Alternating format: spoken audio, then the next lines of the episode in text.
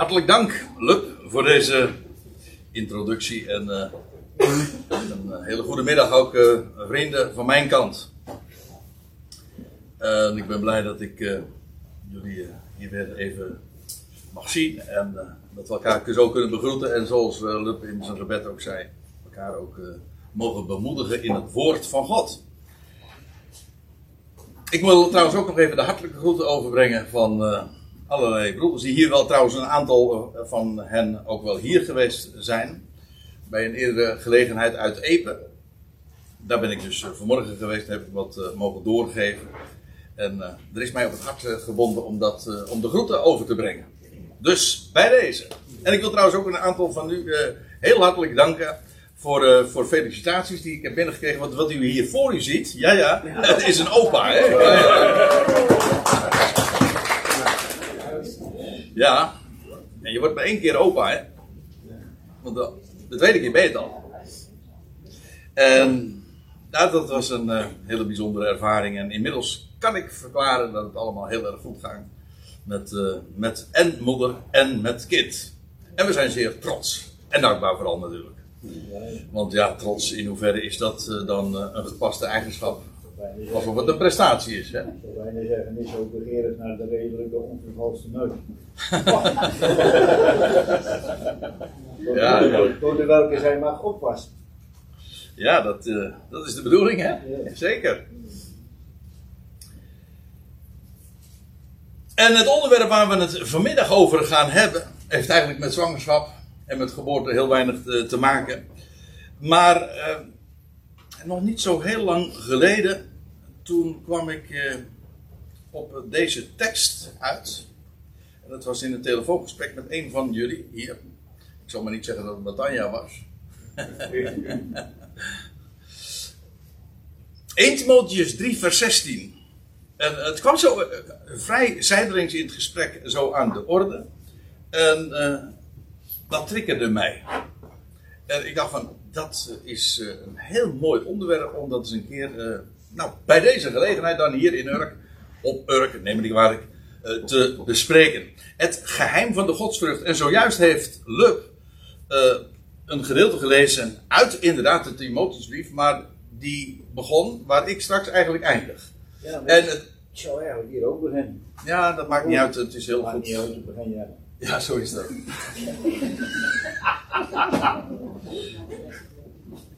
...1 Timotheus 3 vers 16. Johannes 3 vers 16, ja, dat is een hele bekende. Trouwens, 1 Timotheus 3 vers 16 ook enigszins. Lang niet in de orde als die van Johannes 3 vers 16. Maar eh, ik moet erbij zeggen, de tekst zelf is eh, nogal cryptisch. En dat is ook met opzet. En ik wil, of mysterieus, zal ik het zo zeggen. En dat is terecht zo. Want dat is nu juist ook wat daar in dat vers naar voren gebracht wordt. Het, de frase, het geheim van de godsvrucht. Of, eh, ja, dat hangt er een klein beetje vanaf welke vertaling je dus hebt. Ik meen dat de Statenvertaling de uitdrukking heeft. De verborgenheid der godsvrucht. Of het eh, geheimenis, de MBG-vertaling van de godsvrucht.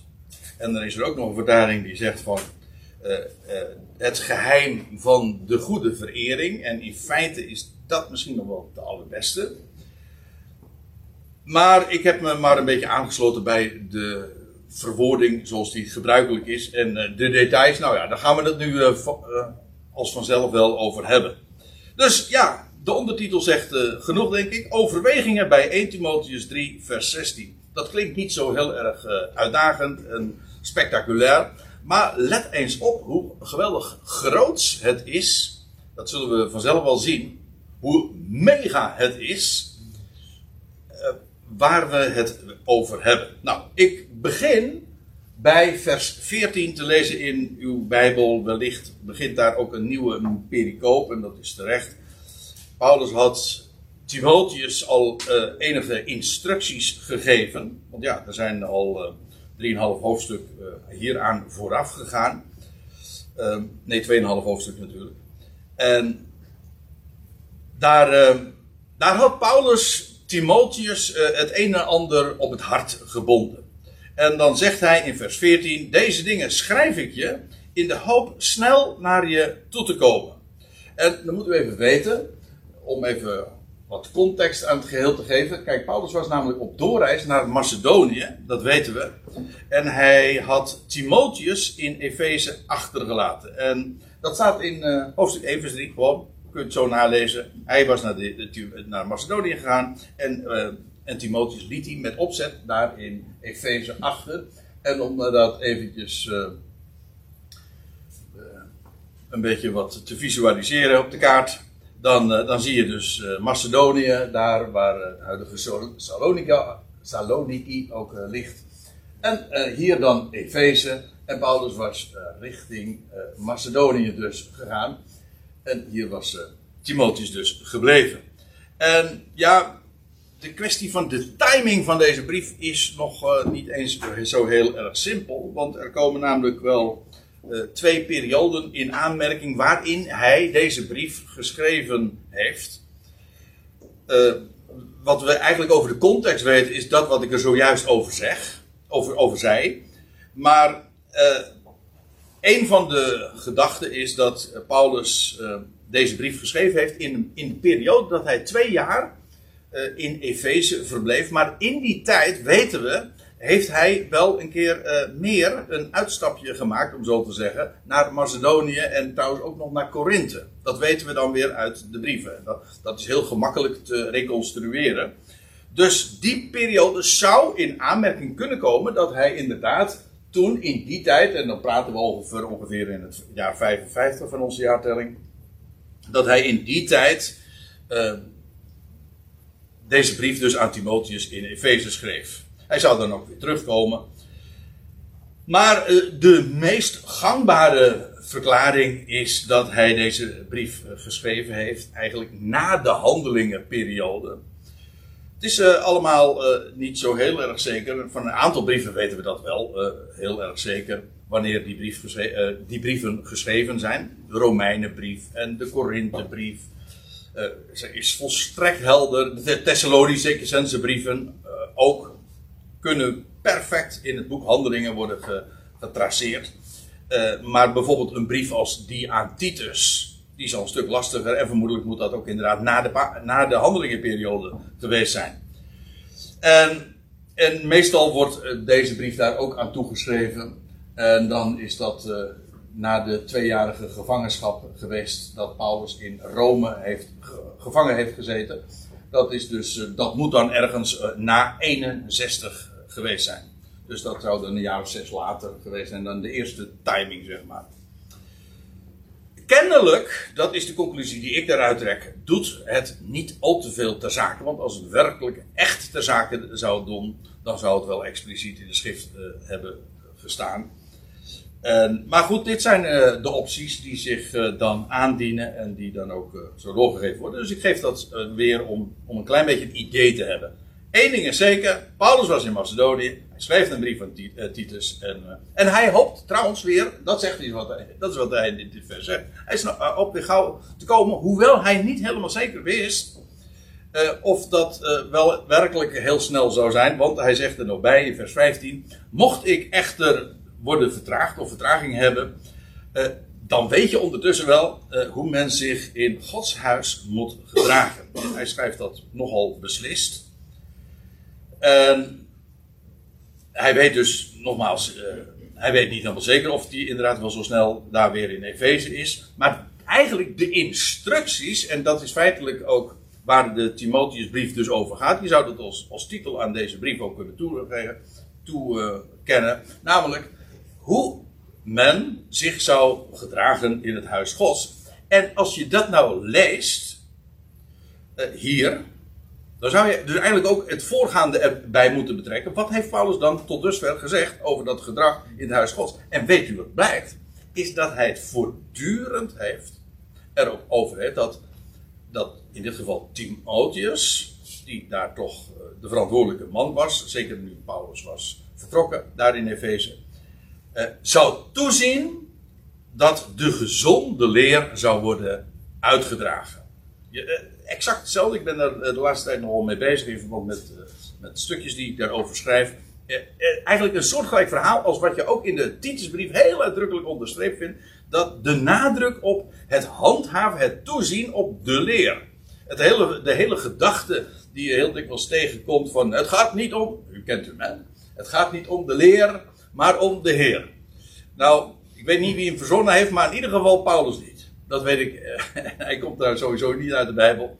Uh, want het, het, gaat er nu juist om, de Heer hebben we leren kennen. Ja, doordat hij, doordat we onderwijs omtrent hem hebben ontvangen. Hè? Dat, dat, dat, doordat dat geleerd is. Maar dan gaat het er ook om dat het ook op een waarachtige, gezonde, solide, betrouwbare wijze zou zijn overgeleverd. En Paulus waarschuwt voortdurend daarop. Uh, ja, daarover. En, en hij hamert erop dat, uh, ja, een van de termen die hij daarvoor gebruikt, de gezonde leer. En dat is niet alleen maar een leer die gezond is, geestelijk, zelfs als u mij vraagt, fysiek zelfs. Ik geloof dat in alle opzichten dat het gezond is om het woord te kennen zoals, uh, zoals de waarheid dat ook uh, zoals dat, dat in lijn is met de waarheid, dat, is, dat heeft een vitaliserende werking in alles. Geestelijk, mentaal, fysiek. En in die zin is het gezond, maar het is ook, het is ook uitgebalanceerd. Het is evenwichtig. Het, is, het, het staat vast. Het is solide. En ja, die, dat onderwijs, dat. Uh, dat uh, en dat dat betrouwbaar is, Daarop zou uh, Timotheus uh, toezien. En in het algemeen zou men daar het oor aan lenen. Hè? Namelijk, wat wordt er verteld? En ja, hoe weet je dat nou? Nou, dat is natuurlijk een vraag uh, aan zich. Want mensen vragen dat dan ook heel dikwijls. Hoe vaak krijg ik het niet te horen? Dat mensen dan zeggen van, ja, dat wat jij vertelt is niet in overeenstemming met wat de kerk leert. Of wat. wat de traditie ons vertelt. Ja, en dat is dan, zeggen we jou, en dan, en dan kan men zelfs zich, volstrekt ten onrechte, maar niettemin, dan kan men zich, en dat doet men ook, zich beroepen op dit soort uh, ja, schriftplaatsen waarin gehamerd wordt op het belang van de leer. En dan heeft men de veronderstelling al erin gebracht, heel sneaky, maar meestal is het denk ik onbewust, uh, namelijk dat de kerkleer daarin, of de traditie, of dat wat men zegt, dat dat uh, maatgevend zou zijn. Maar let maar eens op, als Paulus het daarover heeft, dan heeft hij het over dat wat hij naar voren heeft gebracht. En wat hij heeft opgetekend. De gezonde woorden, zegt hij, dat zegt hij trouwens ook in hoofdstuk 1 vers 1, die jij, Timotheus, van mij hebt gehoord. En dat hij dat eh, dat hij zich daarop zou oriënteren en dat dat het voorbeeld, het patroon zou zijn, het patroon van gezonde woorden, ja. En dat is waar het om gaat. En sterker nog, Paulus waarschuwt ervoor uh, dat in toekomende tijden, dat is de eerste tekst die uh, Lub zojuist voorlas, dat hoofdstuk 4 vers 1, ik kom er straks nog even op terug. Eh, dat hij ervoor waarschuwt dat dat in latere tijden, dat men, en dan gaat het vooral over de leraars, dat die massaal zouden, uiteindelijk massaal ook zouden afwijken, afstand zouden nemen van het geloof.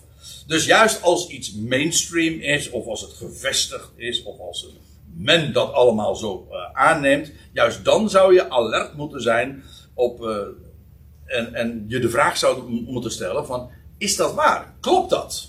En nogmaals, in feite, aantallen doen nooit ter zake als we het hebben over de waarheid. De waarheid is niet democratisch. Het is niet zo van als nou 51% vindt dat het zus is, dan zal, dan zal het wel zo zijn. En sterker nog, de Bijbel zegt: volg de meerderheid in het kwade niet.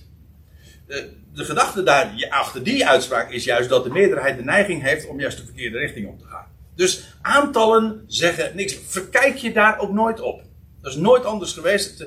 En uh, dat is eigenlijk ook een soort uh, fikse troost als je je wel eens eenzaam voelt. Je weet dat wat je gelooft gebaseerd is op wat er staat geschreven. En ik weet het, een mens moet daar altijd voorzichtig mee zijn. In die zin dat je je niet iets wijs maakt wat niet waar, waar is. Uh, ik bedoel, er zijn, je moet altijd er, er, bedacht zijn dat er dingen zijn die je niet weet. En als dat, dan, dat, is, dat is heel eerlijk. Maar als je weet, dat staat er geschreven. Niet alleen hier, maar ook daar. En dat, er, dat het vast is. Hè? Als er twee getuigen zijn of drie of meer. Eh, dan staat de zaak vast. En als je weet, dit zegt de schrift. En iedereen zegt, nee, maar daar geloven wij niks van, want dat is altijd afgewezen. Of kerkvader, zus, of nou ja, wie dan ook, heeft dat altijd afgewezen. Of er, is, er zijn, uh, er zijn uh, concilies geweest waarin dit is afgewezen of verworpen of verketterd. Ja. En dan zou je je zomaar denken, zit ik er dan helemaal naast? En dat kan. Die vraag, het is eerlijk om je die vraag te stellen. Zit ik er misschien niet naast? En daarom is het zo belangrijk om te onderzoeken, te checken. En niet zomaar een leraar na te volgen omdat hij zegt van ja, of omdat hij dat met kracht zegt, of, uh, wat, of met gepassioneerd. Dat zijn prachtige eigenschappen. Als iets gepassioneerd verteld wordt, of als iets met overtuiging verteld, dat is allemaal prachtig. Maar waar het om gaat is, komt het overeen met wat er staat geschreven. Dat is het enige wat uh, ja, ter, zake is. En voor mij als, ja, ik, in dit geval, ik mag iets doorgeven. En ja, dan is het voor mij eigenlijk, heb ik maar één verantwoordelijkheid. Uiteindelijk, probeer het zo mooi, zo duidelijk mogelijk te zeggen. Maar nee, het gaat erom, is het betrouwbaar? Klopt het? En voor u, of voor jou, of voor jullie, is het de zaak, klopt het inderdaad? En het ene is mijn verantwoordelijkheid, het andere is jullie verantwoordelijkheid. Daar, ga ik, daar kan ik ook nooit in treden. Jij moet dat gewoon zo geloven, want uh, ik heb dat ontdekt. ja, nou ja, uh, maar als ik het ontdekt heb, dan, maar, dan hoe, hoe zou jij of u dat dan ook ontdekken? Nou gewoon, check het maar. Ga het na in de schriften of deze dingen zo zijn. Ja, ja ik, ik sorry, ik, ik, ga er nu langer op in dan ik eigenlijk gepland had. Maar ja, dit is zo elementair. En vandaar ook dat Paulus dat zo zegt: van ja, dat is waar, waar het om gaat in het huis van God. Hè? Dat men luistert naar de gezonde leer. Oké. Ja, en dan zegt hij nog bij dat, dat huis van God, uh, dat is de Ecclesia. Namelijk van de levende God.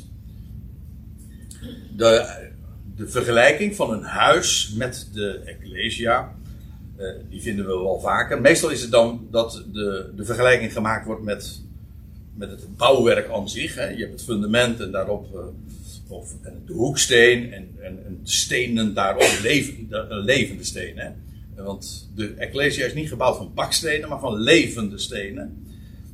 Dat, dat lees je in uh, de brief van Te uh, Petrus ook al. Maar in ieder geval, hier, de, dat is de Ecclesia van de levende God. En hier is het niet zozeer het, het gebouw als wel de, het huis, namelijk in de zin van het huisgezin. Zoals wij daar ook over spreken. Ik en mijn huis, wij zullen de Heer dienen. Dan gaat het niet over over, over dat, dat, die, die woning waar je in zit met die bakstenen. Nee, dat is het, het gezin. Dat de, de, bewoners van dat huis. En ja, wie zijn dat? Dat is de Ecclesia van de levende God. Dat woord Ecclesia, ja, als je het even uitsplitst in zijn elementen, dan krijg je, dan betekent het letterlijk het uitroepsel. Dat wat uitgeroepen wordt.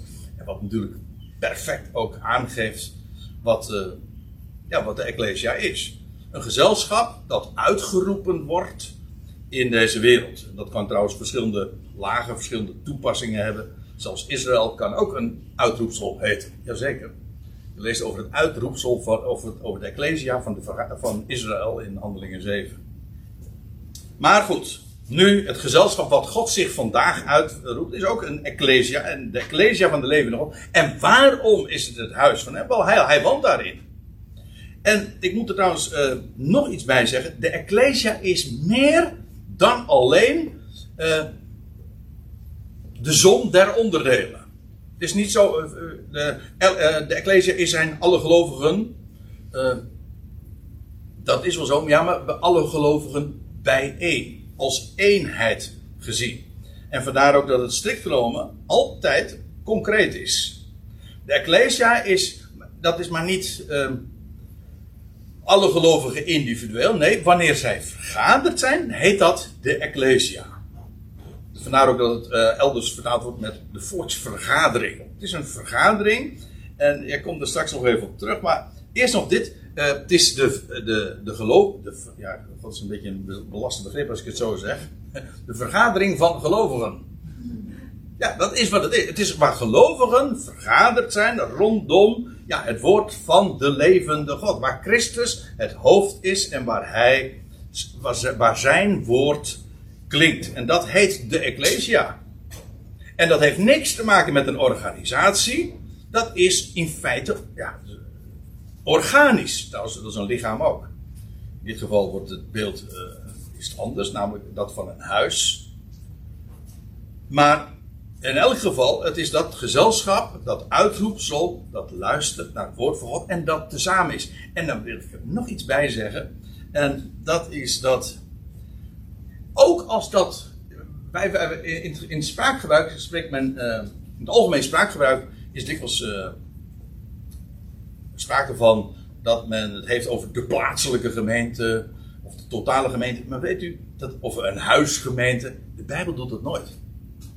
Daar waar gelovigen samen zijn, rondom het woord, dat, is, dat heet Ecclesia. Daar wordt het geheel gerekend. In feite is het een eretitel. Waar ook al is het gezelschap minimaal, bij, moeten de mensen, om uh, van een vergadering te kunnen spreken, moet je minstens twee of drie hebben. Waar twee of drie vergaderd zijn. Maar daar waar gelovigen vergaderd zijn in zijn naam, inderdaad met dank aan Matthäus 18, maar daar, heet, daar is de Ecclesia, daar, daar wordt het totaal aanwezig uh, gerekend. Dus het, die concrete, plaatselijke manifestatie, hij krijgt de eretitel de Ecclesia. Dus er is maar één Ecclesia en die vergadert op allerlei plaatsen. Maar dat heet allemaal de Ecclesia. En of dat nou in een huis is, of, uh, of in een kantine, of uh, bij welke gelegenheid, eh, of, of, of in, in aan de graskant, of in de duinen, of aan het strand, of whatever. Dat is de Ecclesia. En waar dat woord van hem klinkt en open gaat, daar is de Ecclesia. Daar wordt het geheel aanwezig geacht ik vind het een, geweldige eh, gedachte. En ik heb uh, destijds.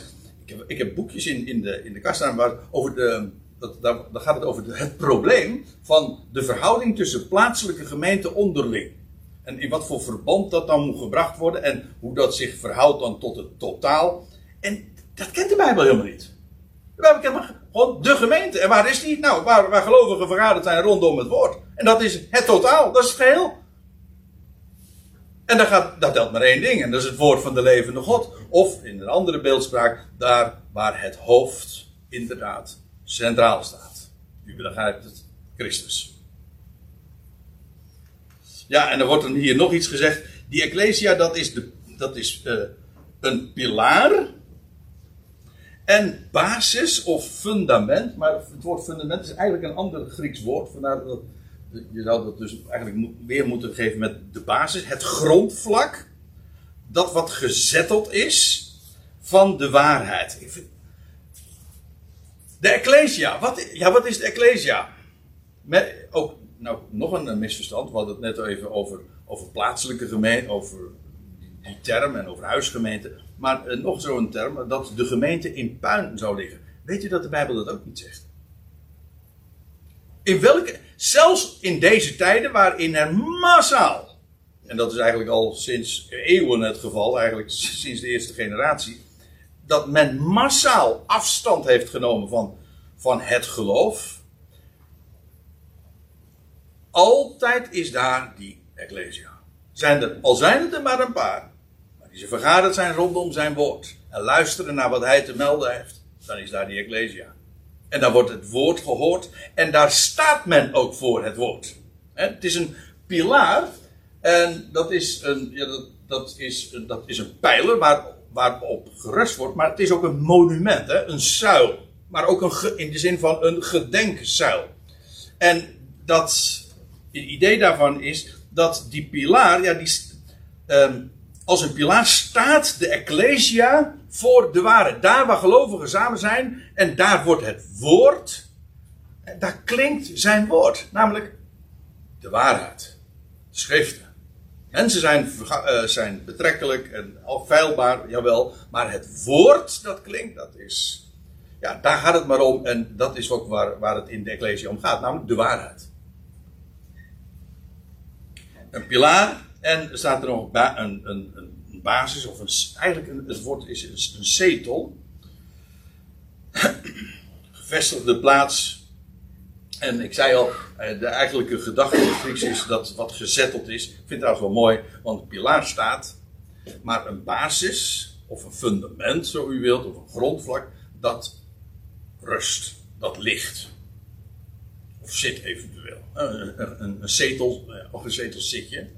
Of, maar in ieder geval, eh, in het ene geval is dat een, het is een plaats waar de basis, waar de waarheid vernomen wordt. En het is een, in die zin, ik denk dat wij ook heel vaak, uh, ja, we leven in een hele geïndividualiseerde tijd, waarin uh, we vooral denken in termen van het individu. Maar de schrift legt hele grote nadruk op, ja, op, op het feit dat we geloof, als gelovigen bij elkaar horen. En we zoeken elkaar ook op. Ik bedoel, niet onder uh, leiding van een mens. Maar gewoon, je zoekt elkaar. Waarom? Je hoort bij elkaar. En je leest in een Colossensebrief ook dat het hoofd het lichaam samenhoudt. En, en er staat het door contacten en banden.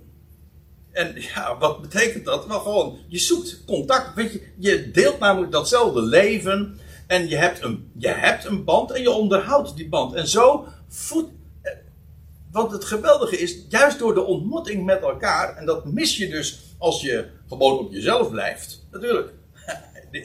De, Heer is jouw Heer. En je bent voor zijn rekening. Ja, maar je vormt een eenheid. En het geweldige is juist dat als je elkaar zoekt en ook weer uh, met elkaar contact hebt in vrijheid. Ja, maar dan kun je, dan kun je zoveel voor een ander betekenen, aanmoedigen, aanvuren. En ook uh, ja, vertroosten, net wat nodig is. Maar juist daar voorziet het woord in. Ik geloof dat de Ecclesia een geweldige waarheid is om dat te beleven. Om, om dat samen zijn te koesteren. Want juist, want Christus, het staat in Efeze 5, Christus heeft de Ecclesia lief. Dat is wat anders dan uh, alle gelovigen lief. Dat is wel waar. Natuurlijk heeft alle gelovigen lief. Ja, maar hij heeft de Ecclesia lief. Gewoon daar waar gelovigen elkaar uh, vinden rondom het woord. En, en zo ook op die plek. Eh, dan lees je ook in, in, dat is in Efeze 5, de, beeldspraak is daar een wat andere. Maar daar gaat het ook over dat uh, de Heer uh, daar, staat, hij heeft de Ecclesia lief en hij wast haar en reinigen door het waterbad van het woord. Heb je weer dezelfde gedachte? Hoe, hoe onderhoudt hij dat kleinere, grotere gezelschap rondom dat woord? Door dat woord. En zo koestert hij inderdaad ook uh, en maakt hij haar stralend. De mooiste momenten zijn toch als je als uh, gelovige samen die dingen mag, hè, samen met alle heiligen die dingen mag beleven. En, en, en in je uppie is dat allemaal, om het even zo te zeggen, in je uppie kan dat allemaal niet. Daarom, dat is de grote waarde van dat, dat samen zijn, van die ecclesia. Oké. Ze staat voor de waarheid en dat is ook waar de waarheid gevonden wordt, de basis van de waarheid. En, zegt Paulus, en nou komen we op het vers waar ik het over wilde hebben. En u ziet het, ik ben weer erg snel van start gegaan, maar ik heb wel context gegeven. ja, Luc. en, en, en zoals wordt beaamd, uh, ja, in de MBG-vertaling staat en buiten twijfel groot. Dat, dat, zal wel waar wezen, maar letterlijk staat hier echt letterlijk zoals wordt beleden. Zoals beaamd wordt, maar hier staat eigenlijk het, het Griekse woord voor beleiden, logeo, homologeo. En dat op zich geeft al aan dat wat Paulus nu gaat zeggen, uh, hij, hij, gaat, hij gaat nu verwijzen naar een stukje of een beleidenis. En dat is uh, vrij duidelijk. Het is, dat is trouwens ook algemeen, uh, wordt dat zo ook uh, gezien in het na, dat Paulus hier in vers 16, in het navolgende, een citaat geeft van ja, iets wat beleden wordt. En wat hij met instemming citeert. En die beleidenis, dat wat hij met instemming citeert, dat heeft de vorm van een een lied of voor iets poëtisch. Het heeft, uh, er zit ritme in, dat zullen we straks ook zien. Uh, en maar zelfs, nou dat zullen we niet zozeer zien omdat ik het niet in het Grieks ga vertellen. Want daar, word ik niet, daar wordt u niet wijzer van. En het is mensen die daar verstand van hebben, die zeggen van je spreekt het helemaal niet goed uit. Maar er zit, er zit ook nog rijm in. En er wordt, er wordt gesproken van woordparen. En iedere keer met tegenstellingen. Het is heel duidelijk ook ja, het heeft de constructie, de, de vorm van een lied of van uh, iets poëtisch. En, en wat hij zegt, dus hij zegt, en zoals wordt beaamd of zoals wordt beleden. En nou uh, voegt hij eraan toe, groot is het geheim van de godsvrucht. Haha, daar hebben we de, term. Groot is het geheim, of het geheimenis van de godsvrucht. Maar groot, ik zei al, ik eh, verwees al eventjes eerder daarna. Namelijk, hier staat in het Grieks het woordje mega. Eh, zo zeggen wij dat wel. Als we, zeggen, als we willen zeggen dat iets echt groot is, dan zeggen we dat mega. Nou, dat is wat Paulus hier zegt. Dus, uh, het, Griekse woord voor mega. Mega is het geheim. Ik, ik, ik klink altijd nog veel groter dan als ik gewoon groot zeg. ja, mega is het geheim van de godsvrucht. Nou, het geheim dat is het woordje, het Griekse woord mysterion, waarin wij uiteraard direct ons woord mysterie herkennen. Er komt, er komt uh, zonder dat je er erg in hebt, heb je veel meer uh, kennis van, van het Grieks dan dat je misschien op het eerste gezicht zou denken. Dat geldt trouwens ook voor het Hebreeuws. Maar Grieks nog wel meer, denk ik zelfs. Hier staat het woordje mysterie. En ja, dat is wel echt een Pauluswoord hoor, mysterie. Uh, met dat verschil uh, met, onze, met ons idee bij mysterie. Bij, als wij het hebben over mysterie, dan hebben we het vooral over iets wat heel wazig is en wat je eigenlijk niet kunt begrijpen.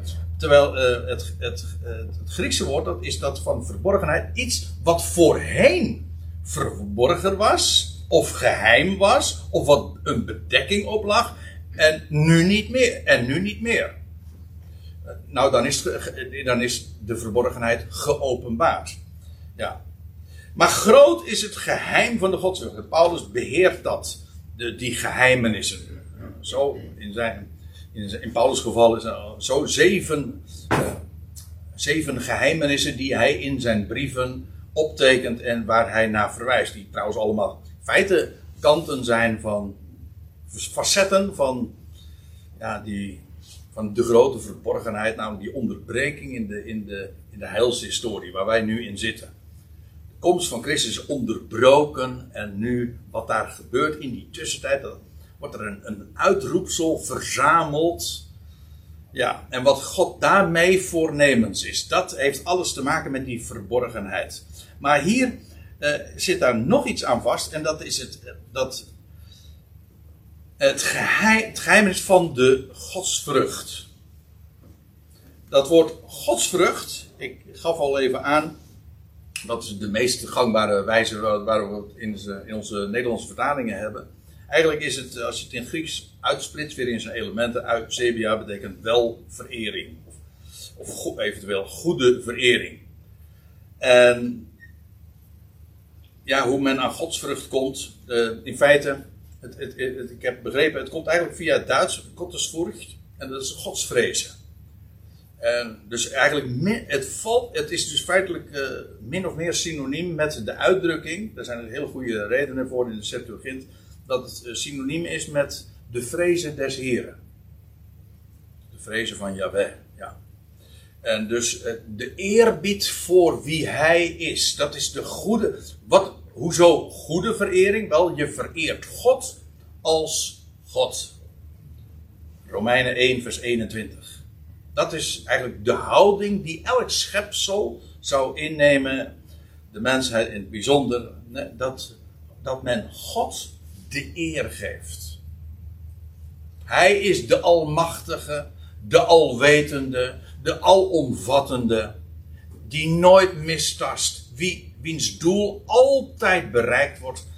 Ja, nou, dat is de God. Hè? Ik vind dat zo mooi dat er in de Bijbel uh, zo dikwijls in onze vertalingen wordt dat weggemoffeld. Uh, maar dat er zo, zo dikwijls sprake is van de God, hè? die ene. Nou, godsvrezen of godsvrucht. Ik heb geen bezwaar tegen die term als je, als je maar weet waar, waar, waar het op slaat. Dat vrucht heeft dus in ieder geval niks te maken met fruit. Dat zou je denken.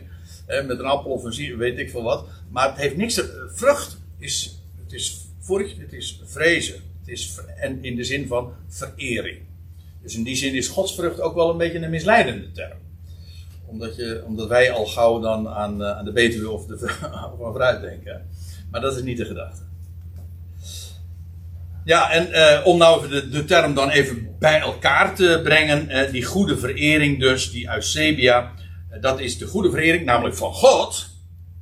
Met opzet schrijf ik allemaal hoofdletters, want hij is werkelijk God. Degene die alles plaatst. dat is de expressie, feitelijk, van de verborgenheid die Paulus onderwijst. Als je dat wat Paulus onderwijst. Hè, waarvan hij, en hij zegt, ik ben gesteld tot een, tot een heraut en tot een, tot een apostel en een leraar van natie. Maar wat onderwees hij nou? Inderdaad, de verering. Dat God God is en een geweldig plan heeft. Juist in deze tijd. Het geheim. Het geheim van hem te vereren. Dat is, heeft alles te maken met dat wat hij vandaag ook. Via die specifieke apostel. Onder de natieën bekend maakt. Het geheim van de, van de godsvrees, van de goede verering. Nou, dat is mega. Dat is geweldig groot. Nou weten we eigenlijk nog niet eens uh, wat er beleden wordt, want dat is wat er nu vervolgens komt. He, zoals wordt beleden, uh, groot is het geheim van de godsvrucht. En nou, nou, nou volgt eigenlijk het citaat. Ik zal het ook laten zien die geopenbaard werd in vlees. Nou hoop ik, ja, ik, eh, vaak zeg ik, van, in de Statenvertaling staat het uh, wel goed. In dit geval moet ik zeggen, de Statenvertaling staat juist niet goed. Dat heeft niet te maken zozeer met de vertaling, maar meer met de, de manuscripten waar het op gebaseerd is. in de oude vertalingen, de Statenvertaling, maar ook in de King James, er staat hier, hier luidt hier, God geopenbaard in vlees. Maar dat staat er niet. Hè? Nee, het, staat, het woord God staat er niet. Nee, en de aardigheid is dat ook degenen die zeggen van ja, maar het zou er eigenlijk moeten staan. Die, gewoon vanwege hun theologie, zeg maar. De, de, de opvattingen die men da daarover die men hanteert. Uh, die geven wel toe dat inderdaad, als je het puur bekijkt vanuit de, handschriften, tekstkritisch zoals dat met een mooi woord heet, uh, is daar geen grond voor de oudste, de oudste manuscripten, die lezen hier gewoon beslist niet God. Dus trouwens, er is nog een hele goede reden, maar dat heeft dan weer te maken met de uitleg. En dat is dat uh, God openbaarde zich niet in het vlees. Als je denkt aan Christus, dan is dat geen openbaring van God. Maar in het vlees verborg God zich juist. In, zijn, in Christus vlees werd hij juist verborgen. Want als er iets is wat, wat als God zich manifesteert, dan is het vlees juist een bedekking. Of een, laat ik het nog anders zeggen. Een voor, als een voorhangsel. Want je leest in, uh, ik, ik, verwijs er hier ook naar. Ik ga er nu niet te diep op in, maar kijk het maar eens na. In, in Hebreeën 10, vers 26, daar lees je dat, uh, het, dat het vlees van, van Jezus. Dat wij door het voorhangsel, dat is zijn vlees eh, toegang tot, tot het heiligdom, tot het binnenste heiligdom. En het idee is juist dat dat voorhangsel, uh, dat, is, dat is een uitbeelding van zijn vlees. Ja, maar dat voorhangsel, dat is niet iets wat God openbaarde, maar wat juist God uh, verborg. Dus uh, A, het staat er niet. En B, het kan er ook niet staan omdat dat gewoon niet in lijn is met de Bijbelse gedachten.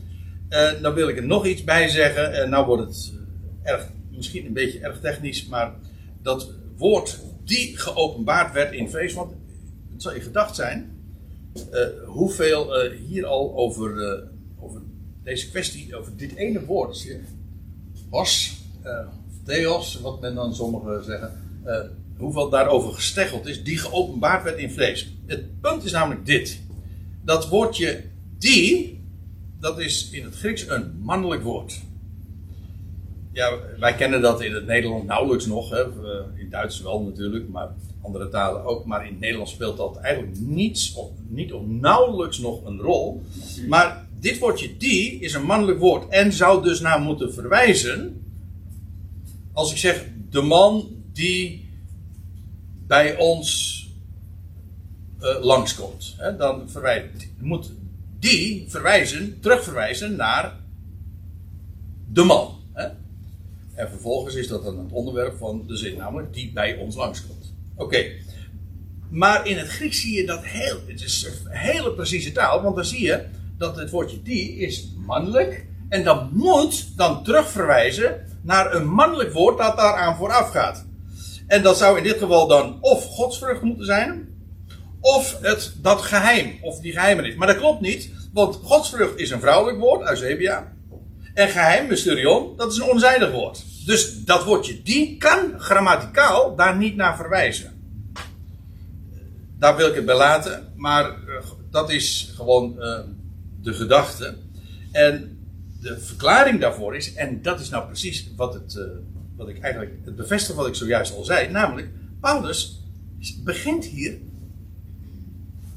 een stuk tekst te citeren. En hier openen zeg maar de, de aanhalingstekens. En hier begint het citaat. Zodat het niet terugverwijst naar, naar iets wat Paulus heeft gezegd. Maar gewoon hier begint dat wat hij citeert. Dat wat beleden wordt. En dan is dat heel logisch. Dat, uh, dat dit niet per se dus terugverwijst naar wat, uh, wat Paulus daarvoor zei.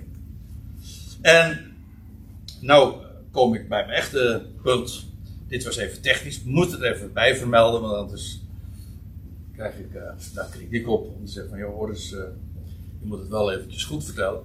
Nou ja, ik hoop het in ieder geval even toegelicht hebben dat het wat complexer is dan je op het eerste gezicht zou denken. Maar waar het om gaat is, het gaat hier in ieder geval over een geweldig geheim. Ja, dat is een ding wat zeker is. En ik zal je vertellen, het spreekt van het geheim en is waar Paulus het altijd over heeft. Namelijk van de Christus. En als ik zeg de Christus, dan heb ik het niet alleen maar over het hoofd, maar over hoofd en lichaam. Die vormen samen de Christus. Dat zie je in de Korinthebrief, dat zie je ook in de Efezebrief. De Christus, ja, dat is hoofd en lichaam als een eenheid. En dat wat het hoofd wordt toegekend en ontvangt en heeft en bezit, dat hoort onlosmakelijk ook het lichaam, zijn lichaam, de Ecclesia, toe. Dus wat er vandaag gebeurt is, Christus is daar inderdaad opgewaren in de hemel. Ja, maar er wordt vandaag een gezelschap verzameld. En dat is een gezelschap dat zo een hoog lot krijgt toebedeeld. Het allerhoogste lot, ook het, ja, het hoogste deel, want ze, ze, ze zijn ook een eersteling. En ze krijgen een hemelsdeel. Het hoogste wat er bestaat. Verdienen ze dat? Nee, helemaal niet. Het valt hen toe. Het is een lotsdeel. Hè? Als, het is een lot uit de loterij. Realiseer je dat goed. Als je daartoe mag behoren. Als God je hebt dat, dat, dat geweldige bericht van hem laat bekendmaken en, en, en, en, het, en het kwartje valt en je, je ogen zien het, je oren verstaan het en in je hart weer klinkt het dan is dat omdat God dat doet. Ja, en dan mag je deel uitmaken van dat, van dat uitroepsel. En wat is de bestemming daarvan? Nou, dat is mega. Echt zo geweldig groot. En dat wordt in dat stukje tekst van, waar Paulus nu naar verwijst, naar die beleidenis. En waar hij met, met instemming, zeg maar, mee, wat, uh, wat hij met instemming citeert. Uh, daar gaat dat over. Want ga maar na die geopenbaard werd in vlees. Uh, ja, dat is. Dan, kun je zeggen van ja, dat gaat over Christus Jezus. Hij werd immers. Hij werd, hij werd geboren hier als, als de zonen Davids. Hoe staat het in Romeinen 1? Naar het vlees werd hij, is hij de zoon van David. Maar naar de geest. heeft, God heeft hem opgewekt eh, uit de doden. Dus dat is waar. Dat, die, die toepassing klopt. Maar waar Paulus het hier over heeft, is over dat geheimenis. En dan, dan gaat het over Christus, over de waarheid van dat Christus hoofd is. En wij als de Ecclesia zijn lichaam zijn. Wel, en dat is die waarheid, dat geheim, dat is geopenbaard in het vlees. Wat bedoel ik daarmee te zeggen? Nou, die waarheid is bekendgemaakt aan een mens. Meer specifiek aan Paulus is deze waarheid onthuld. En hij heeft het ook bekendgemaakt. En aan andere mensen ook. Geopenbaard is het in het vlees. En gerechtvaardigd in geest. Ik zou. Ik moet er eigenlijk nog even iets uh, bij zeggen. Misschien. Ja, ik had eventjes een, een even naar voren moeten halen, maar dat kan ik nou even niet meer doen. Dus uh, dan zeg ik het nu maar eventjes. Als je de, het hele vers in zijn geheel leest, dan zou, dan zou, je misschien nog kunnen denken: van, nou, dit gaat gewoon over Jezus Christus, die van werd in vrees, opgewekt uit de doden. Ja, maar dat, men loopt daar op met die uitleg stuk. Waarom? Omdat er aan het eind staat: opgenomen in heerlijkheid. Maar dat klopt niet. He? Dus daar staat er van opgevaren. En dan, uh, hoe staat het er? Uh, nee, gerechtvaardigd. En dan het nou precies? Oh ja, gezien door de engelen. Uh, maar die hele volgorde, uh, die blijkt niet op aan het eind. Chronologisch. Alles is een opeenvolgend. En dan zeggen we, dat, dat is juist, dat is op Jezus Christus van toepassing. Maar aan het eind blijkt, opgenomen in heerlijkheid, is dat het laatste dan? Hoe? Totdat je begrijpt dat het hier gaat over het geheimenis, namelijk wat Paulus vertelde over de Christus. Wel, en die waarheid, dat geheim, dat is geopenbaard inderdaad in vlees. En het wordt ook uh, gerechtvaardigd in geest. Misschien is dat de lastigste om te begrijpen, maar toch, uh, het is weliswaar bekendgemaakt in vlees. En niet alleen door, via vlees, maar ook in, gewoon in het vlees. Jawel, maar het wordt gerechtvaardigd. Het, het wordt als recht en terecht en correct gezien alleen maar geestelijk. Hè? De waarheid van de Christus wordt geestelijk gerechtvaardigd. Hè? Paulus zegt uh, in. Uh, het wordt, hoe, hoezo geestelijk wel? Het, uh, de, hoe staat het in 1 Korinthe 2? Dat de geestelijke mens die beoordeelt alle dingen. Het wordt slechts. die waarheid die geopenbaard is, jawel, in vlees. Maar die wordt alleen maar gerechtvaardigd op een geestelijke wijze. Is het te verstaan, maar wordt het ook recht? Wordt het juist? Dan alleen zul je daarvan uh, de waarde uh, kunnen onderkennen. Gerechtvaardigd. Het wordt geestelijk gerechtvaardigd. En Paulus voegt er nog aan toe. Ehm, gezien door engelen. Ja, ook hiervan zou je weer kunnen zeggen van, dat is hij toch. De Heer Jezus is opgevaren en de hemelse wereld ontvangen. Ja, maar het geldt ook, en dat, is het, nou, dat, dat maakt deze, dit geheimenis mega, want wat van toepassing is op Jezus Christus, blijkt, het gaat hier over Christus, namelijk het geheel, hoofd en lichaam. En de waarheid van de Christus, die werd bekendgemaakt, zegt Paulus hè, in Efeze 3 aan, uh, hoe zegt hij dat?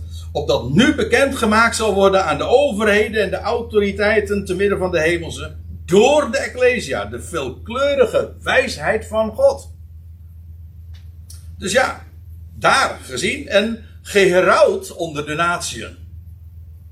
Dat wil zeggen, bekendgemaakt. Eh, iets wat geherouwd wordt, dat wil zeggen, het wordt, uh, ja, zoals Paulus daartoe ook is gesteld. Hij zegt in, in 1 Timotheus 2, ik heb er juist vanmorgen over mogen spreken, eh, dat, hij, eh, dat hij een heraut is van de, uh, onder de natie. Als een, stel me bij een, een heraut altijd zo iemand voor met zo'n zo'n luidspreker, zo'n zo roeptoet. Overal, iedereen moet het horen. Dan moet het vervolgens ook nog onderwezen worden. En, en uitgelegd en toegelicht. Al, allemaal waar. Maar het herauten, dat is, moet, iedereen moet het horen. En de aardigheid is, je kan herauten wat je wil dat iedereen het hoort. En bij slechts een enkeling zal het verstaan. Ook dat is de bedoeling. ja. Geroud onder de natie. Ja, eh, ik, ik, ik wil eh, even een tekst noemen. waarin dat ook zo prachtig naar voren gebracht wordt. In, in Romeinen 16. Helemaal aan het eind. Eigenlijk ook weer in een tussenzin. En, eh, ik lees voor. Aan hem nu. Eh, die bij machten is jullie standvastig te maken. Dit is het slot van de brief. En nou, nou, nou volgt, eh, een- wordt een haakje. Dat wil zeggen, er volgt nu een tussenzin. Eigenlijk een onderbreking. Ik vind dat geweldig. Dat heet stileren. Hè? Als je iets, eh, een bepaalde gedachte, als je daar vorm aan geeft in, in, in, in- op een schilderij of in muziek, maar ook gewoon in, in een tekst. Dan stileer je dit, dan geef je, dan geef je daarmee uitdrukking aan op expressie. En dat doet Paulus. Efeze 3 is ook zo'n prachtig voorbeeld van. Dat, is één groot, dat gaat over de onderbreking in de huidige heelstijd. En hoe doet hij dat? In een tussenzin. Exact hetzelfde in Romeinen 16. Schrijft hij over het geheimenis. Dat doet hij in een tussenzin. In een pauze. En dat heeft ook weer alles te maken met de naam van Paulus. Hij zegt volgens mijn evangelie. Dat wil zeggen dat evangelie dat aan mij werd toevertrouwd. En de proclamatie van de herautboodschap. De herautboodschap van Jezus Christus. Volgens onthulling van een geheim. Heb je het weer? Dat mysterion. Dat, dat mysterie. Het is, hij zegt: Het is mijn evangelie. Het is de proclamatie van Jezus Christus. En het is in overeenstemming met. Of volgens onthulling van een geheim. Dat Ionische tijden. Eeuwige tijden. Tijden der eeuwen. Zegt de Statenvertaling. Verzwegen is. Oh, niet bekend. En hij zegt dan, maar nu openbaar gemaakt wordt. Als ook door profetische geschriften. Niet alleen mondeling, maar ook opgetekend. Godzijdank zeg. Je zou er nog niet aan moeten denken dat Paulus dat toen de tijd al- allemaal, allemaal ten volke kont had gedaan. En, en dat, dat dat niet zwart op wit was gezet. En, en nu, 2000 jaar later, nemen wij hier te Urk daar kennis van. En we ver- verblijden ons in deze geweldige dingen. Het mega. Nou, hij zegt, het is nu openbaar gemaakt, als ook door profetische geschriften, volgens uitdrukkelijk bevel van de Ionische God. De God der eeuwen is dat, hè. Tot gehoorzaamheid, namelijk van geloof. Niet van werken, maar van geloof. Dat je gehoor geeft aan dat wat hij belooft. En, en dan zegt hij erbij, aan al de natieën bekend gemaakt wordt. Gewoon onder al de natieën heeft hij dit geheraut. Deze geweldige waarheden. Dus ja, eh, het heeft inderdaad alles te maken met, met een, een geheimenis. Eh, eh, weliswaar, het is in, in, de, in de overheden, de machten, de engelen, eh, engelenwereld wordt het vernomen. Maar onder de natieën wordt het vervolgens geproclameerd en, eh, en geheraut. En hij zegt er ook bij, eh, want het gaat nu verder, gelooft in de wereld. Het is heel opmerkelijk dat, er, dat bepaalde lidwoord staat er eigenlijk niet. Het is gewoon gelooft in wereld, opgenomen in heerlijkheid. Je ziet hier ook echt ritme, iedere keer van die drie woorden. En het is ook iedere keer trouwens een, eh, een, eh, een tegenstelling tussen engelen en natie. Daarboven een heer. Maar ook gezien daar en geheraut, dat is vocaal vooral, dat is wat gehoord wordt. Dus je ziet, er, hij, hij maakt gebruik van woordparen, maar ook van tegenstellingen. En die ritme, dat ritme van die, van die, van die woorden. En hier dan gelooft in de wereld, in, niet in de wereld. Trouwens, staat niet geloof door de wereld, want dat is niet waar. Maar het, wel geloofd, het wordt wel geloofd in de wereld. Er zijn er, waar de ogen en oren van geopend worden, die het geloven. En staat er dan bij, opgenomen in heerlijkheid. Nou, kijk, dit is dus waarom deze tekst altijd zo problematisch is. eh, geacht wordt. Waarom? Omdat het zo cryptisch is. Hoe kan dat nou? Dit klopt toch niet? Als het gaat over Jezus Christus, eh, is deze laatste zin niet logisch. Ja, maar als het gaat over de Christus, het geheim. Het geheimenis en het gaat over de Christus, namelijk hoofd en lichaam. Dan klopt het wel. Want dan is inderdaad het eindstation dat we opgenomen worden in heerlijkheid. Dat is het, eindseizoen. Hè? Dat, de, gewone, de levende verwachting die we hebben, eh, dat wij straks inderdaad uh, worden weggerukt en dat we in de heerlijkheid hem, uh, hem en trouwens ook elkaar gaan ontmoeten. ja, en als het mij vraagt, deze, met name deze laatste tekst, dat geeft inderdaad aan dat het om het geheimenissen gaat. Dat, dat staat er al, hè, het geheimenis. Maar het blijkt ook. Anders klopt het niet. En uh, krijg je, dan krijg je, als ik het geheel nog even hier laat zien. Geopenbaard werd in vlees, gerechtvaardigd in geest, gezien door engelen, geherouwd onder, natie, onder geloofd in wereld, opgenomen in heerlijkheid. Wel, dat is die beleidenis die Paulus met instemming aanhaalt. Hij zegt, mega is die, uh, dat geheimenis. Ja, mega is dat geheimenis. En het is ook het, uh, het geheim ook van de goede verering. Want het, ja, het is namelijk het, het, wat daarin uitgebeeld wordt, is dat geweldige voornemen van de grote God die schepper is van hemel en aarde. Gezien door engelen. Is dat gezien door boodschappers, door de ooggetuigen? Of is dat door hemelse. Ja, dat, juist omdat het om die tegenstelling gaat, denk ik dat die, inderdaad er staat hier angelos, en dat zou strikt genomen, uh, dat hoeft niet per se hemelse uh, boodschappers te zijn. En je bedoelt te zeggen dat dit van toepassing zou zijn als het gaat om Jezus Christus, die gezien is door mensen die het vervolgens ook hebben geboodschapt. En dan geheerhoudt onderuit. Dat geeft een goede zin. Alleen, ik moet er wel bij zeggen, als het gaat over het geheimenis, dan blijkt dan, is dan krijg je een hele mooie tegenstelling. Dan is het namelijk, daar is het gezien. En hier wordt het gehoord. Hier wordt het trouwens niet gezien, maar wel gehoord. Onder de natie wordt het gehoord. En het is daar, in, bij de overheden en de machten, wordt het gedemonstreerd. Ook trouwens via de Ecclesia, die feitelijk een soort display is van die, van die waarheid. Ja. En nou, nou, nu hebben we 1 Timotheus 3, vers 16, dat, over dat, dat, dat, dat, dat geheimenis waar Paulus het dan over heeft en wat hij uh, dan aanhaalt, dat die beleidenis. Uh, en je zou dan de neiging hebben van, nou, hier eindigt het hoofdstuk en dan lees je. Maar het opmerkelijke is dat Paulus dan meteen ook zegt, maar de geest zegt uitdrukkelijk. Dus nu moet je opletten. Uh, dat in navolgende uh, era's, uh, perioden, gelegenheden. Ja, perioden. In navolgende perioden sommigen afstand zullen nemen van het geloof. Wat blijkt, het gaat namelijk over leraren.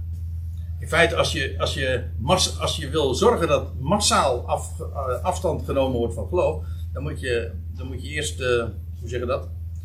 Ja, degene die het, leer, het onderwijs geven, kunnen meenemen daarin, toch? De influencers. Als je die hebt, dan heb je, dan heb je een, veel groter bereik. Nou, waar Paulus het over heeft, zullen dan leraren komen die verkeerde dingen zullen vertellen. En die zullen afstand nemen, staat er, van het geloof.